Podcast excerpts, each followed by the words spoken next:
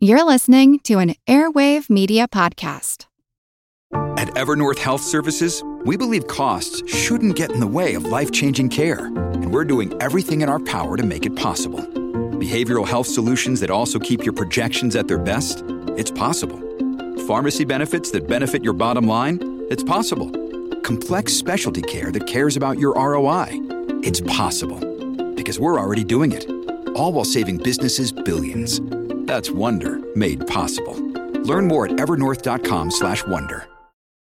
Your brain needs support, and new Olly Brainy Chews are a delightful way to take care of your cognitive health. Made with scientifically backed ingredients like Thai ginger, L-theanine, and caffeine, Brainy Chews support healthy brain function and help you find your focus, stay chill, or get energized. Be kind to your mind and get these nootropic chews at ollie.com. That's O L L Y.com. These statements have not been evaluated by the Food and Drug Administration. This product is not intended to diagnose, treat, cure, or prevent any disease. This is Kick Ass News. I'm Ben Mathis.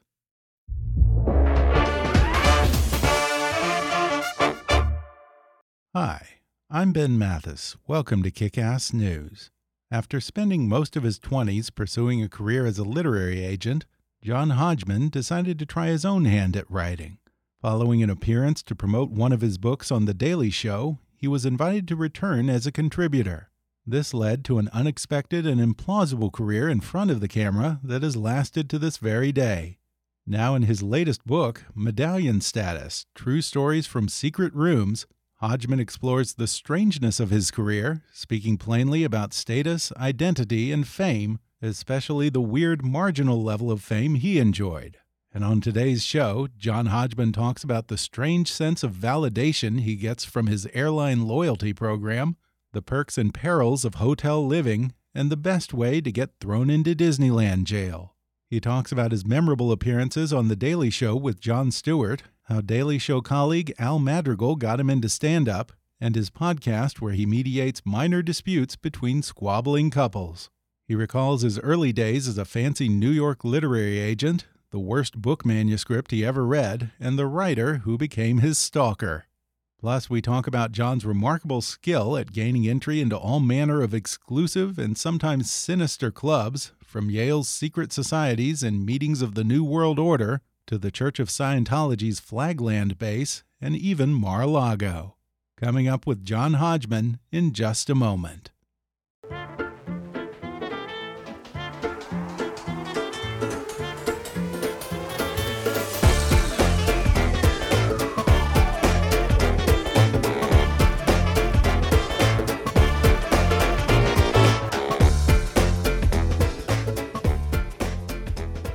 John Hodgman is a writer, humorist, stand up comedian, and actor, best known for his memorable appearances on The Daily Show with Jon Stewart. He is the host of the popular Judge John Hodgman podcast and also contributes to a weekly column under the same name for the New York Times Magazine.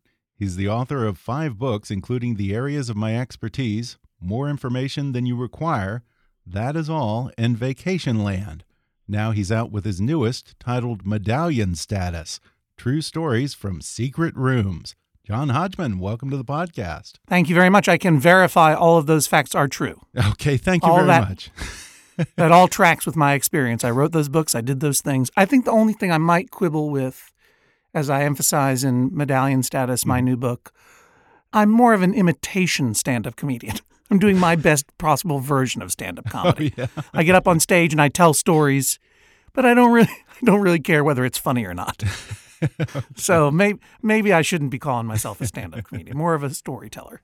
Well, I have to tell you, John, I felt very honored to have you on the show until I saw that the last podcast that you did was hosted by an actual high school student. Your publicist Which doesn't really that? screen these requests, do they? What was what are you telling me that Ira Glass is in high school? I don't know the podcast that you're referring to, Oh, you but I'm sure that it, I'm sure that it is a a reputable organization. I'm sure. I'm sure. Yeah, I, I think it was. It sounded at least like it was literally hosted by a high school student because all the questions related to high school, and every time you would start regaling him with some great story, he'd try to steer the conversation back to high school and say, you know, you ever go to any rich kid parties? Who's your favorite teacher? it's magical in its own way, I have to say. I, you know, there there are two things that this brings to mind. One is that I am getting older and I have zero memory of any of this. so maybe maybe maybe I had a stroke or something. I didn't realize it. They're going to check me here in the studio. And and two, the fact is that I like talking to people and I, I've got a lot of advice for weird, lonely 13 year old only children, as I was one myself. I can give them a certain amount of guidance. And indeed, in, in this new book, Medallion Status, a whole chapter is dedicated to career advice for children. Mm -hmm. Yeah, and God bless you for that. You you were very gracious and magnanimous with him, very generous of you, and I and I can kind of relate to that because I've only now discovered that there was a whole generation of kids who then later in life went into entertainment, but when they were a kid like me, they would call up celebrities and famous old Hollywood stars who had nothing better to do, maybe, and ask for Sure. interviews. And they thought, I know that I did. I would call up like Ginger Rogers and people like that. And I thought I was very smart, and they didn't know that I was just a little 15 year old kid. I bet they knew more than you realized. I bet Yeah. they loved talking to you. What did you talk to Ginger Rogers about? Um, you know, it was a weird thing. She was very cranky. She was in Houston, Texas for a film festival, and Uh-huh. I, I, I maybe she didn't know because I, I mean, I kind of misrepresented. it. I had like a local uh, newspaper that would kind of give me Uh-huh. press status at these things, and then I show up at her hotel as like a 15 14 year old child in a suit with a tie i think i got off on the wrong foot to begin with Oh, you got, you spoke to her in person. She obviously knew you were 15. You didn't ask her to dance, did you? uh, i didn't i didn't and one thing i learned is she hates talking about fred astaire Sure, I can imagine so. If your whole life has been dominated by that other name. yeah That's how I feel about that's how I feel about Jonathan Coulton. No, it's just my best friend. Never mind. I used to call people too. Like I, you? I am that weird person. Well, I I uh in New York and when I moved here in the 1990s, they were still publishing and we were still using phone books. And a lot of people had their names in the phone book. Legendarily, you could call Henny Youngman and if he answered, he would tell you some jokes, uh, which Oh, was an wow. incredible thing. i didn't know that And I remember Now he wasn't I alive when you were a young kid because I, I would have done that too. I love Henny Youngman. He's no, he was alive. He was alive in the in the nineties when I was in my twenties. Because my friend Adam would call him up and say, "Tell me a joke," and he would go, "Uh, "All right, uh, take my wife, please," or whatever. Oh my God, that's ah, I wish I had known that. Man, that would have been amazing. But then I called um, John Lurie, who is a Uh-huh. jazz musician and actor. I was very, I was very, I was a very pretentious young person. I liked the art house movies. yeah, I was really into Down by Law, the Jim Jarmusch movie that John Lurie was in, and he was an East Village sort of uh, uh, king. yeah. and I would call I would call him and I got his answering machine and I and I and I chickened out and I said so he was like oh this is John Lurie leave a message I was like oh hey John it's me your friend Sam Potts give me a call back now Sam Potts was my friend from high school who also loved John Lurie and I and I was too cool. scared to say anything else and I left Sam's number and months later Sam said why do you think John Lurie called me and Sam was very confused Yeah, yeah. Mine were all just obscure, like actors. Uh, not nowadays obscure, like Ann Miller, and like Right. at one point I was obsessed with trying to reach Irving Berlin, who had just turned hundred years old and was a total recluse. So I guess that was my version of J.D. Salinger or something. Did you succeed in your in your mission I did not. I got a nice letter, but. I did not. Yeah. I know Bruce Campbell, the the you know, so Bruce Campbell, of course, the star of Evil Dead and Evil Dead Two, and uh, and then later Burn Notice. I mean, he's a a huge the Adventures of Brisco County Jr. He's this this huge sort of cult Mhm. movie icon, Sure. and and it, you know he was later on after people stopped using the telephone. Uh, not too long after that, we got uh, high speed uh, internet in the office that I worked in right after college. I worked at a literary agency. In fact, Right. I, I was going to and and briefly did become a literary agent, and, and one of my first clients was Bruce Campbell, the the my fa- my favorite horror movie icon. And I reached out to him through the internet. The internet was and still is to some degree this great leveler of being able to Mhm. communicate with your heroes. And Bruce had been writing blog posts about what it was like to be a a B movie actor, to be like the most famous person in the ballroom of a horror movie convention, but then once you leave and go out into the lobby, you're just some schmo. You know what I mean?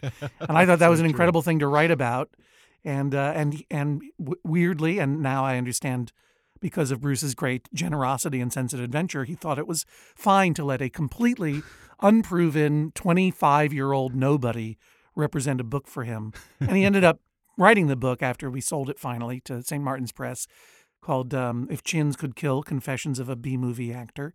and Bruce told stories about how when he was a kid, he would call the, uh, I can't remember the name of it, but a very famous a retirement home for actors in Los Angeles to Oh, talk yeah. to Larry Fine of the Three Stooges. Oh yeah. And he would just get on the Yeah. phone with Larry and talk with him for a long time. So yeah, and I, I heard. I guess he sensed a, a kindred spirit in me, Yeah. someone who would hound another person. Yeah, I've heard that from like Gilbert Gottfried and a bunch of people who would call Larry Fine. The other one was Stan Laurel. Apparently, was listed in the Mhm. phone book, and there's a whole generation of young boys who are now producers and comedians and all that who tell all of these stories about how they'd talk to them for Yeah. a half hour or something. Well, sure. And look, here I am talking to you. I have no idea who you are. You could be a high school student, as far as I know. Apparently, Yes. I'll talk to anybody just to talk about the old days of the old PC versus Mac campaign and Yeah. the Daily Show and all the things I used to do way back in the silent go. movie era.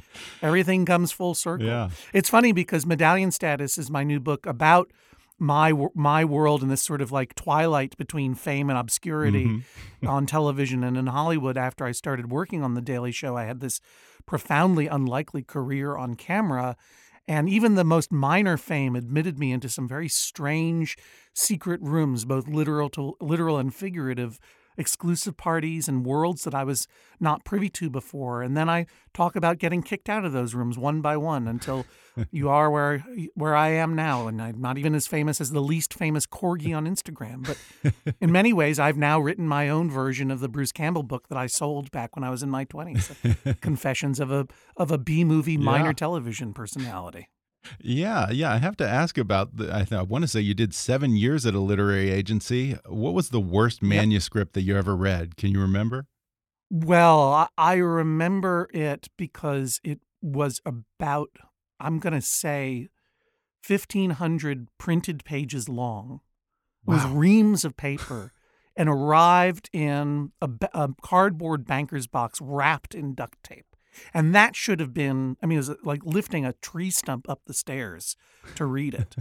and the the wrap, the the the manic wrapping and duct tape should have been the tip off that the person who sent it was not merely a little unstable, but more unstable than most authors.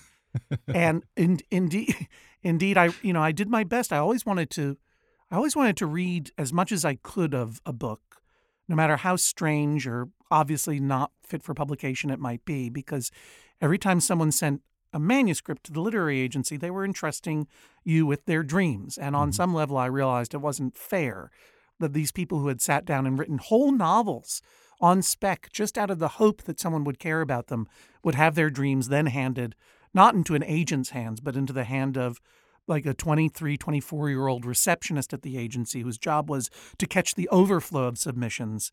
And, and the first read would happen by me, some unqualified young person. So I always tried to give it my best and to write back something nice. Yeah. And this this manuscript was was all over the place and clearly not meant for publication.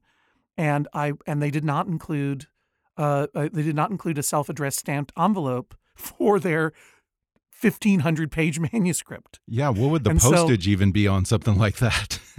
Well, I know, and like you're supposed to do that. This is back when we, yeah, this is back when we actually used paper. Do you know? And the job Mm-hmm. and the deal was, we'll we'll reveal it, but we'll review it, but you have to give us something so we can get it back to you.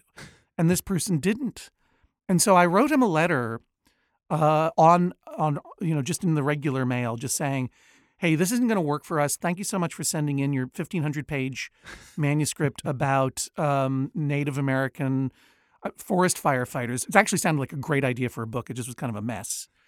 um, and uh, uh, unfortunately, you didn't send us a um, you know postage to get it back to you. But out of the kindness of my heart, because I feel like such a jerk for rejecting it, we're going to send it back to you. You know, re- by regular mail. It's going to take a little while to get there because, you know, we got to save some money here yeah.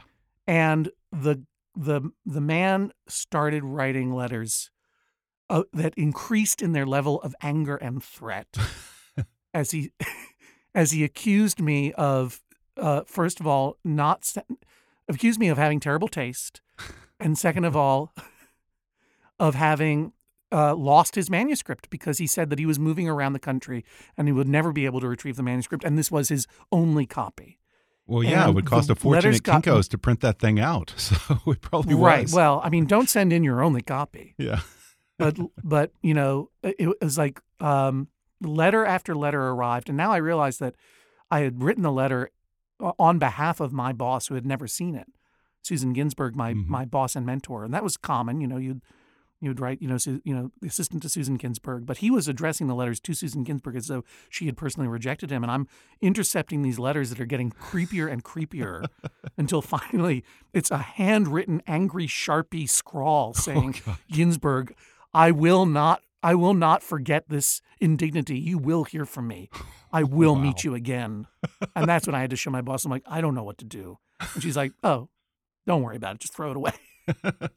Finally, I realized that he did get the manuscript back, whether he was lying or about moving around the country or had actually just gotten back to wherever he lived and got the manuscript because he he sent a copy of my of the letter that I'd sent with the manuscript back and just said I hate you or something. Oh my God. And a year passed. I was there for a while, and a year passed, or maybe two, and I had started representing books on my own at that point.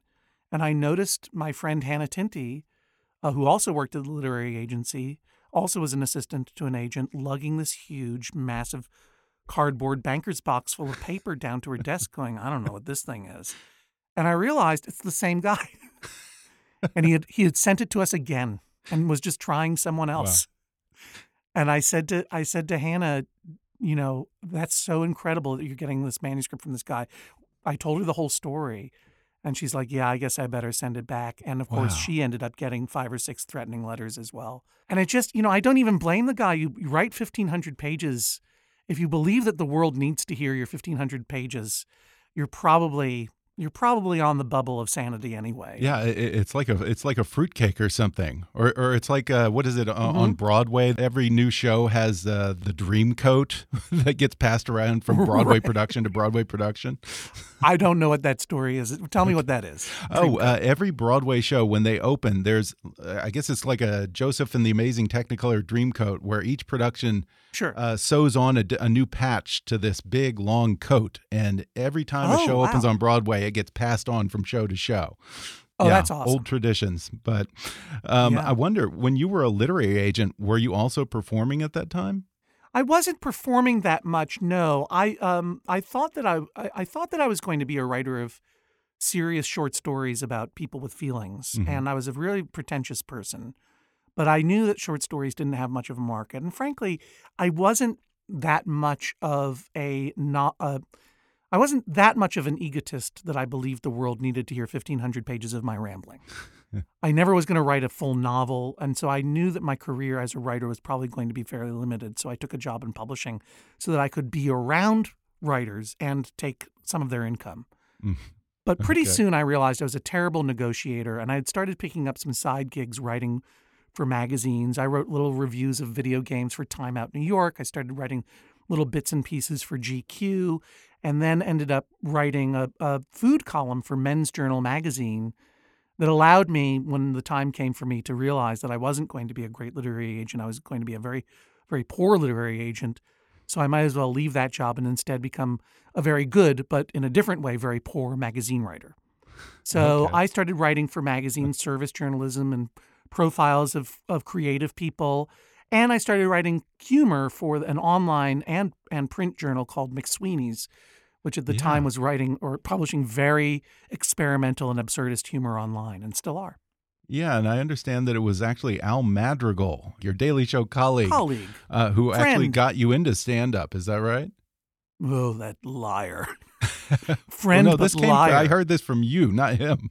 Although he has been on the no. show, and he's actually my neighbor here in Pasadena. So I'm just kidding. I love I love Alan, and he's he's not he's he's telling the truth, or I was telling the truth when I said that about him. yeah, So I was writing very esoteric, absurd humor from the point of view of a deranged expert, specifically a deranged former professional literary agent.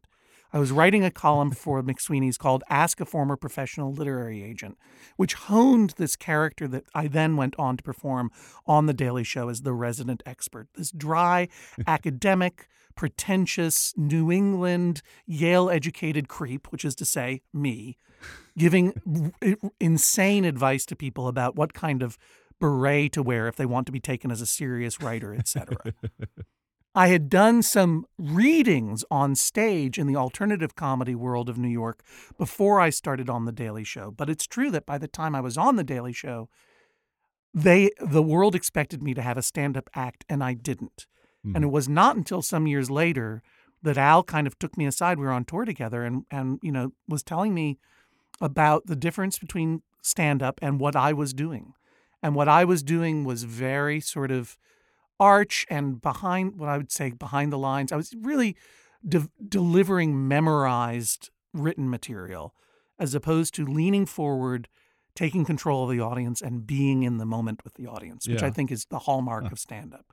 So it's true that as close as I ever got to doing stand up, it came because Al really challenged me to get out from behind that character and get into the room and start talking directly to people. hmm Uh, what was it like being on The Daily Show back in the heyday when Jon Stewart was still hosting?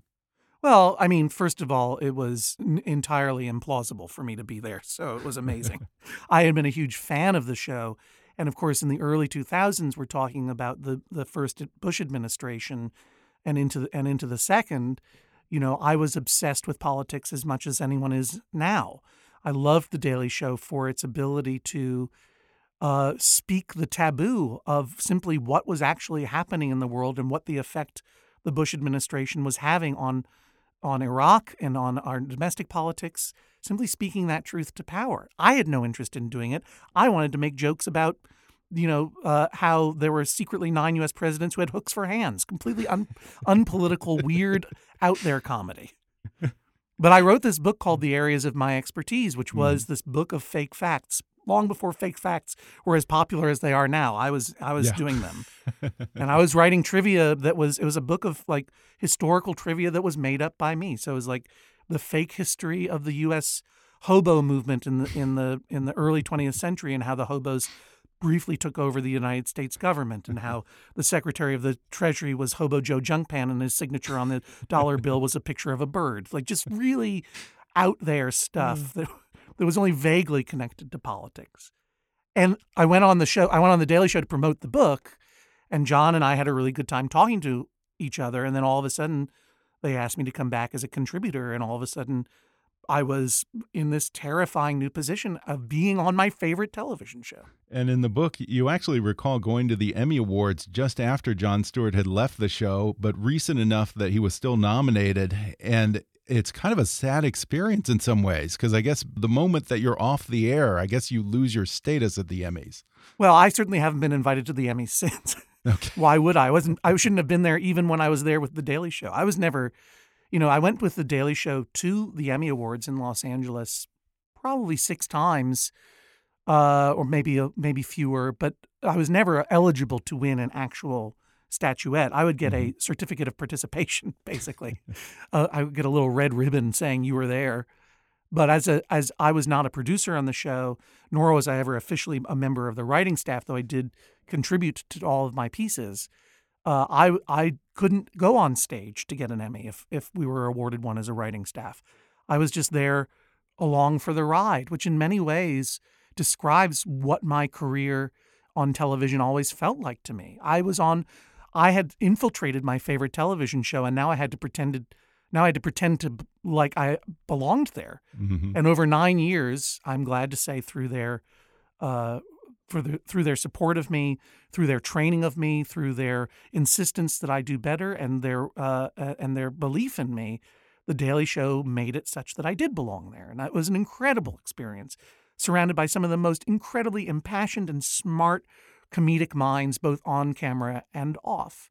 And so, in 2015 uh, when The Daily Show with Jon Stewart received its final nomination for the Emmys, because of course Da- John had already handed the show over to Trevor Noah, who's doing an incredible job with it. But John and the and the show with John was still eligible for that early part of the year that they were on. uh, I went with them. And this time, John said, if we win, I want everyone to get up on stage because this is our last time here. Wow. And sure enough, John won. I mean, not, uh, no one expected him not to. This was his last year as the liberal conscience of television's America. And he the, he was announced, or you know, the show was announced, winning for its category. This massive, thunderous applause. John encouraged us all to get up on stage, and so we did. And yet, for all of the applause, even for Jon Stewart, by the time all of us filed up on stage, the music had stopped and the applause had stopped, and it was just dead silence. And it was like, John put it best. It was like, this is eerie.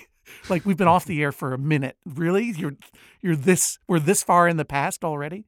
You can see what he really said, but that was essentially Yeah. what he was saying. It was like this was there, there's only so much applause and when you're Yeah. off television, it's done. Yeah. So it it was a it was a bittersweet moment, but more bittersweet sure. obviously because I was saying goodbye to uh, Mm. people who had really become family to me. The show had become family in, in all those definitions uh, of really intense uh, intense closeness, rivalry, support, happiness, anger, sadness, delight, and it was all coming to an end. Now, the title of the book, Medallion Status, is a reference to this very special relationship that you have with your airline loyalty program. Uh, and one in particular, I don't know if we're saying the name of the airline or not, but in the book you call it Beloved Airlines. What is so special about this airline of choice? Nothing. Okay. There's nothing. It's Delta. I'll tell you. Okay. I just didn't want to name it in the book because Delta isn't sponsoring the book. I don't want to give them any of my money. Right. Make But more no. I, I I also think it's funny that, like, yes, I do make it out to be a special relationship that I have with this airline and the sick, addictive video game of its loyalty reward program. but it's not a special relationship. It feels like a special relationship when you fly enough, or in my case, during the years of 2014 and 2015, being flown back and forth across the country over and over again for a TV job where they were obliged to fly me first class, I unexpectedly achieved so many what they called medallion qualifying miles that one day I was flying back home and the gate agent said to me, Oh, thank you for being gold. And I didn't know what they were talking about, but this really spoke to me. I mean, as a as a as an only child, a, a super smart, afraid of conflict narcissist from way way back, I had always thought I was gold. I always wanted to be gold. I just didn't know whether anyone could see that I was gold. And all of a sudden, this major corporation is saying, "We love you. Thank you for being gold," meaning specifically gold medallion. Yeah. And that's just one of the power ups that this video game offers you because the more and more you travel, you start to realize you can go on their website and follow a, a, a little health bar showing where you are in their status level. So you could be gold, and maybe you could get you're only this number of miles away from becoming platinum, and maybe you're only this number of miles away from becoming diamond medallion. And of course, yeah. the, the corporation doesn't love you specifically, but there is a kind of s- sort of sick, uh, a, a, a sick excitement and feeling that briefly you are loved by a big corporation. Yeah. Yeah. It feels like personal validation. now, when it comes to the Yeah. rankings, is there a difference between diamond and platinum, platinum, gold, gold, silver? Not really. I mean, you could. I, you can go on Delta Airlines uh, website and, and tease out like, yeah, I guess you are you you're going to be considered for a potential upgrade to Delta Comfort Plus, you know, five hours earlier if you're platinum compared to gold. but really, the only upgrades I've ever gotten are like to places that no human wants to go to. Really? Sorry, Toledo. Actually, I didn't even fly into Toledo. I had to fly into Detroit and drive to Toledo. That's oh. that shows you. But anyway, I love Detroit. Don't get me wrong. What do you have to do to get a plane named after you, like in that Clooney movie, Up in the Air? Do they have that? a lot more, a lot more than I've done.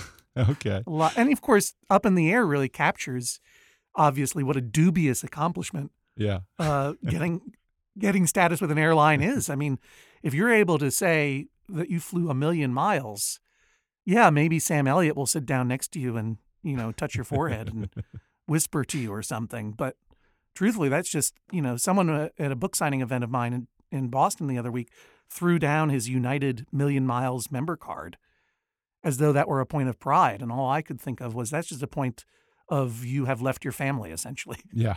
you have left your family to go travel around the country and the world for a job or whatever it is.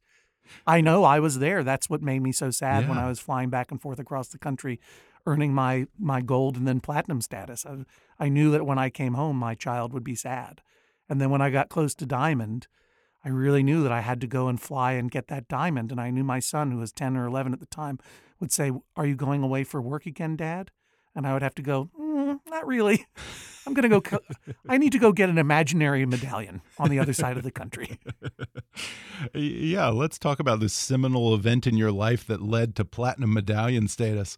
You get a gig on a TV show here in LA, and during much Yeah. of that time, you lived at the Chateau Marmont, which is an easy life to get used to. I know because I used to live in a nice hotel for a couple of years, and it's it's definitely a detachment from reality. It's almost like a throwback to Downton Abbey days, where you have a whole household staff at your disposal. I kind of get what Eloise was talking about, you know? Yeah. It's funny. El- El- Eloise, of course, being the children's book about the girl who lives in the Plaza Hotel in New York City, which, you know, when I read, I never read that book as a kid, but when I read it as an adult, I was like, this is the saddest story in the world. This is a girl who's been abandoned by her parents. It's not fun at all. Right. And there is, and, and, you know, yes, living in a hotel, especially one like the Chateau, which is so adept to making you feel like you are the, you are n- the most important person in the Mhm. world um, it, it it is mind warping and reality warping. I would say to I would say to people who would come visit me at the chateau, and I mean, part of the reason that I love the chateau is not just that they they treated me nicely. They treated me li- nicely long after they had any reasonable, they had any rational reason to treat me nicely. Long after my the peak of my fame had passed, and I had just you know uh, withered into this sort of ghost of minor fame, who was on this small fun but small and, and, and little watched cable comedy, they would still treat me very nicely. And I considered that to be an incredible gift. Incredible gift. And I would bring people to the hotel and I would say, It's not that this is the best place on earth, it's the only place on earth. And that's how it would feel to live there. Like, why would you ever leave this place where everyone is so kind to you Yeah. simply because they're being paid to? It's it's a it's a castle of lies, but they're they're very pleasant lies to live amidst until you have to realize the truth that it's like, oh, Yeah. oh yeah, this is not this is not a real life. Yeah. And on one of these trips to LA, you took your family to Disneyland. And I love it because you and your son make this game out of trying to think up the most interesting misdemeanors that might get you thrown in Disney jail. Do you have a favorite of those?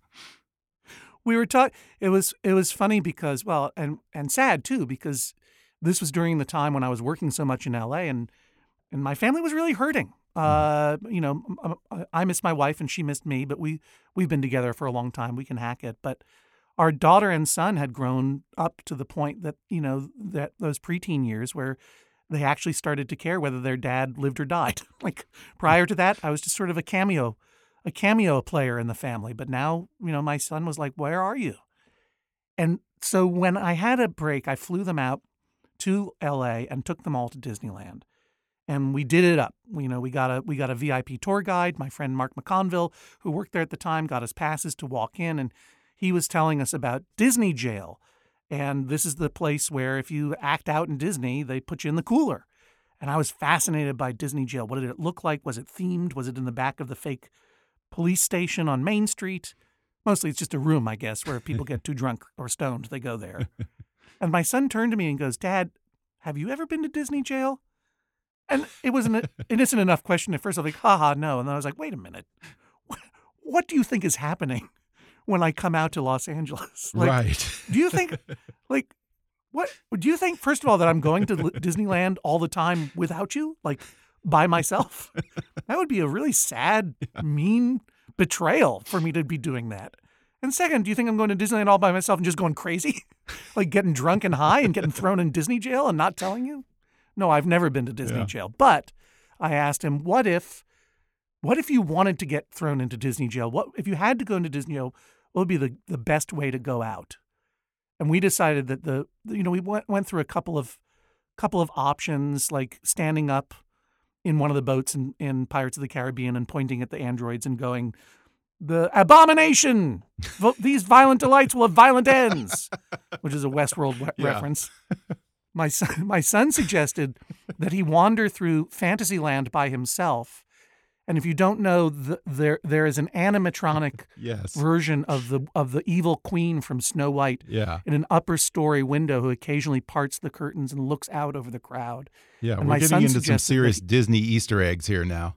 Yeah, this is very deep, deep, deep cuts. Yeah. The internet told me that the name of that queen is Grenhilda. I didn't know that.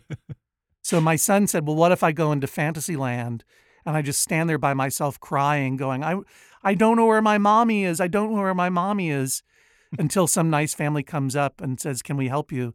And then my son would say, I don't know where my mommy is. But then he would wait until Grenhilda, the evil witch, parted the curtains and he would point up at her and goes, There's mommy. I've brought another family for you, mommy, which was a pretty good joke for my son who was 10 at the time, you know. Yeah. Yeah. He may have a future in comedy. Yeah, I hope so because I need a retirement plan. But I was, I, you know, I said to him, "That's, you know, you you crying alone in Fantasyland is more likely to attract the attention of Dis- Disney social services rather than Disney jail. Like you'd probably be taken away from us." Finally, I decided that the best way to get the best way to be thrown into Disney jail would be, you know, the Tarzan treehouse at Disneyland. Mhm. Which used to be Swiss Family Robinson, which is still a bit of a sore point for me. I can tell I can tell you're as angry about it as I am. but it's now Tarzan's treehouse. Right. And I was like, what if what if I stood at the top of the circular staircase that leads to Tarzan's treehouse wearing nothing but a loincloth and a matted long hair wig and say to people as they pass, Hi, it's me, Tarzan. You have to give me there's a little upcharge. You have to give me twenty dollars to get in. that that would be a, a pretty accurate description of where my career is at these days. now, one consistent thread throughout the book is exclusive clubs, be they Disney jail or airline loyalty programs, Bilderberg like New World Order conferences, and secret societies in college. You went to Yale, which has a few pretty well known secret societies, chief Yeah. among them being, I guess, Skull and Bones. Were you ever in a Right. secret society in college? Well, for those of you who don't know, Yale is a four year accredited college in Southern Connecticut that I attended to for all four years. I got a Bachelor of Arts in Literary Theory. And no, no, I was not invited to be a member of any of the senior secret societies. Well, But isn't that what a member would say? no, if I were a member of Skull and Bones, then the moment you said Skull and Bones, I would have been obligated to leave this podcast booth. okay. You're supposed to leave the room, or Is so is the the legend. I don't know. I've been fascinated with secret rooms since I was but a child. And I would always read uh, in, throughout middle school and high school about, you know, the secret Club 33, the secret restaurant Mhm. at Disneyland, Right. and the secrets of the Freemasons, and of course the secret societies at Yale, these senior secret clubs like Skull and Bones, Book and Snake, uh, Scroll and Key, Berzelius, Wolf's Head. Those are the big ones, Manuscript, that occupy these old and stately clubhouses on campus in Yale. That and and these buildings that have no windows. They're called tombs. And the secret societies were formed by upper crust, aristocratic young men way back, way back in the day at Yale.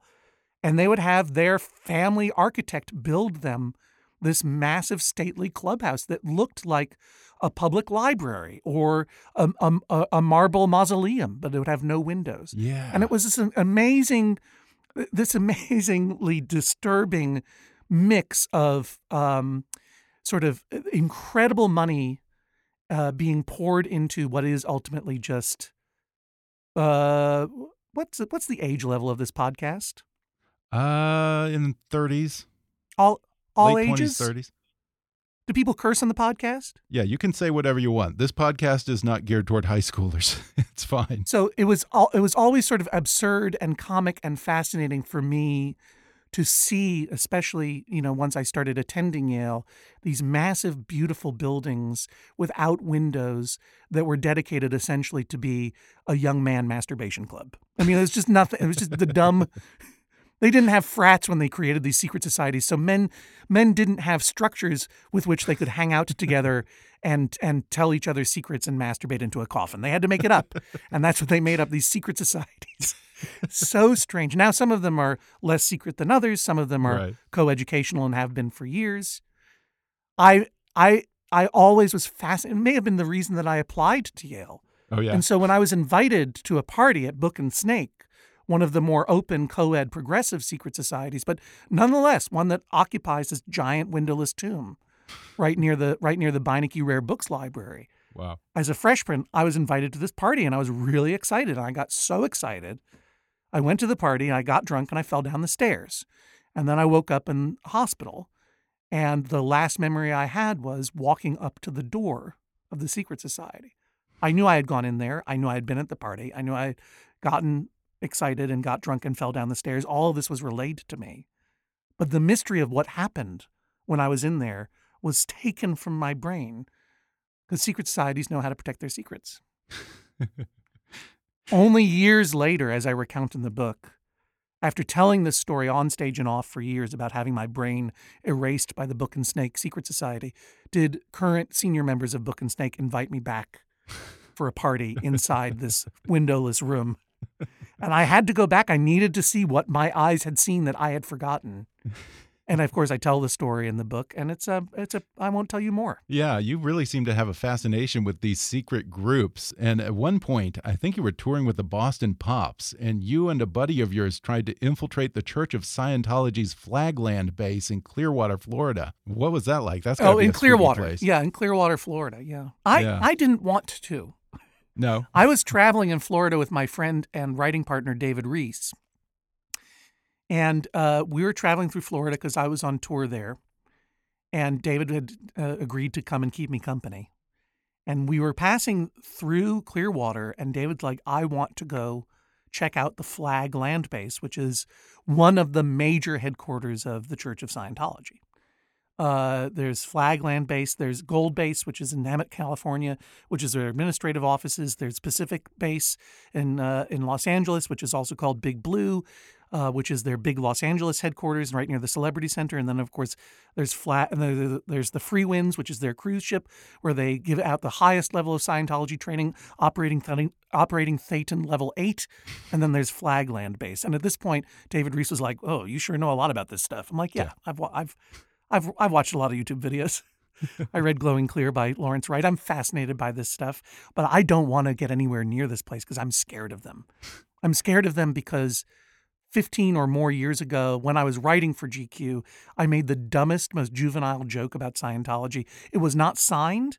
It was in this front of the book calendar that had no no indication that I had written it. And three months later, when the when the issue hit the stands and this this dumb juvenile, completely harmless joke got out there, the Church of Scientology started writing me letters, many of them, telling them I was a religious bigot who could only be helped by joining Scientology. They had gotten my email from my editor because they had bullied him into giving my email away. And I knew that the whole point of that letter writing campaign was to remind me, to let me know they were watching. And I did not, I felt really nervous now, 15 to, oh, maybe 20 years later, sneaking around the Flag Land base, this place that I had only heard of and had never been close to. And yet David Rees kind of like egged me on. He said, let's just walk around it. And I'm like, I think they're going to surveil us. He's like, you're crazy. And we made this one walk around the, the main block of the new building that they built recently, the new addition to the Flag Land Base, which is also known as the Superpower Building, for reasons that are too long to explain here. And as we walked around the entirely deserted downtown of Clearwater, Florida, observing all of the different cameras as they're hidden in the corners of this building, all of which the windows, unlike Book and Snake and the secret societies, Scientology buildings have windows, but they're they're tinted black, so you can't see in. And when we finally circled around to the front, where there had been no people, all of a sudden there were like six or seven Sea Org members. Those are the that's Scientology's highest level of clergy, Right. wearing their little vests, just staring dead straight ahead as we passed them. Were they there for us? Later, I would learn through observation that they were actually there to meet a group of a bus full of Scientologists coming back from a offsite event or whatever. But it was profoundly unnerving to walk by these, you know, half a dozen people who whose job was to let us know we were there, but to not speak to us. Mm. And then as we finally turned the last corner, we saw a guy taking a picture of our car and our license plate. And was, David was like, "Let's get out of here as quickly as possible. Yeah. This is the creepiest thing I've ever seen." Oh my God! This Later- is a Halloween story. I know it was really it was really spooky. It was really spooky, and I was like, I don't want them to be mad at me again. I don't want to get letters anymore. Let's go.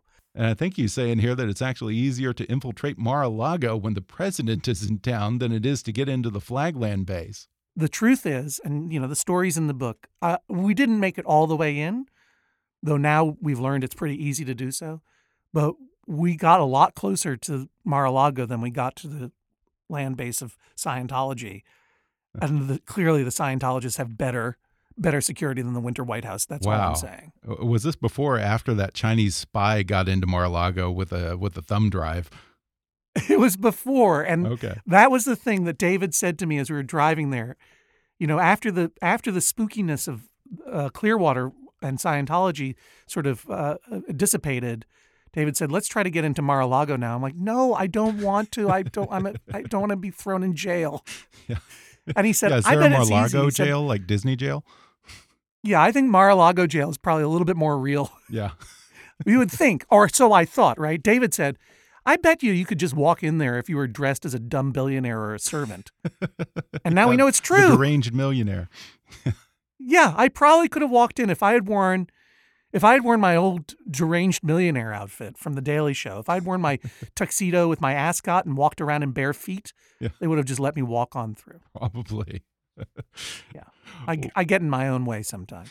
Well, before we go, I also want to mention your podcast. You are the host of the Judge John Hodgman podcast, where you mediate minor disputes between two individuals. Oftentimes it's couples, and most of these disputes are sort of tongue in cheek, the kind of things between a couple that maybe make for a fun anecdote when you're having dinner with friends. But sometimes these things that we tease each other about can also reveal real resentments and all kinds of passive aggression. Have you ever had a case where it just suddenly went very dark and acrimonious? No, not acrimonious because you know we we speak to the people beforehand and we know that they're going to be good sports. Mm-hmm. There are times though when it's clearly much more serious than we anticipated. I will I will I will slightly correct you. The the the, the disputes that we hear, while often very minor, like my husband has a very specific way that he wants me to load the dishwasher that's annoying, or my husband has a very specific way of taking out the garbage that he wants me to to follow, which is very annoying. Husbands have a lot of very specific Right. theories about how things should be done, right? Yeah. Uh, there, there, there. The, while the, while the topics might be small, they and we always take it as seriously as it is. Some of the topics are a little bit more fanciful, like Yeah. is a machine gun a robot or something. but you know, like we we you know, there there's a woman who wrote in and she's like, my husband uses the the smart thermostat to turn off the air conditioning at night when when he's when he's abroad. Like so he'll go away and I'll I'll do the air conditioning to what I want it to be. And somewhere in Scandinavia where he's out, you know, out of the country for business, he'll look at and decide she doesn't need that temperature. I'm going to change it.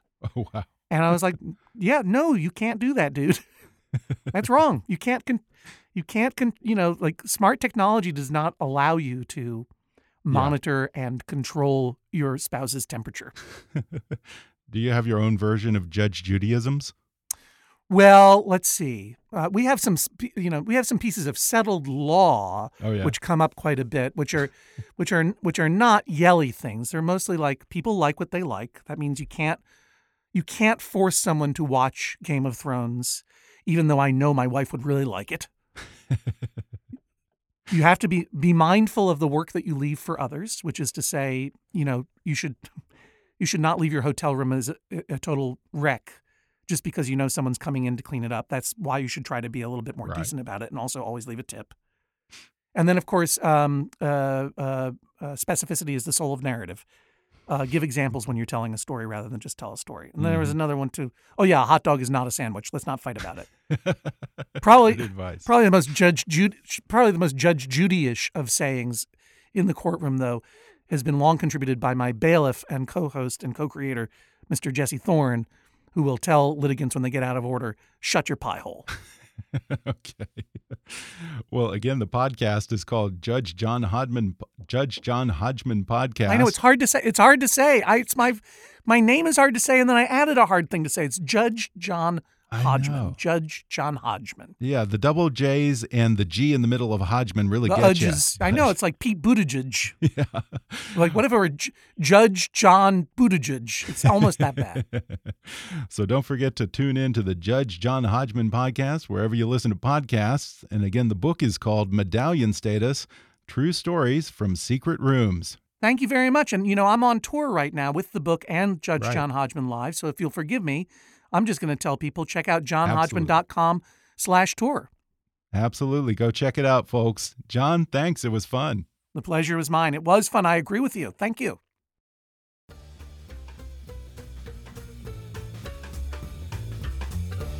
Thanks again to John Hodgman for coming on the podcast.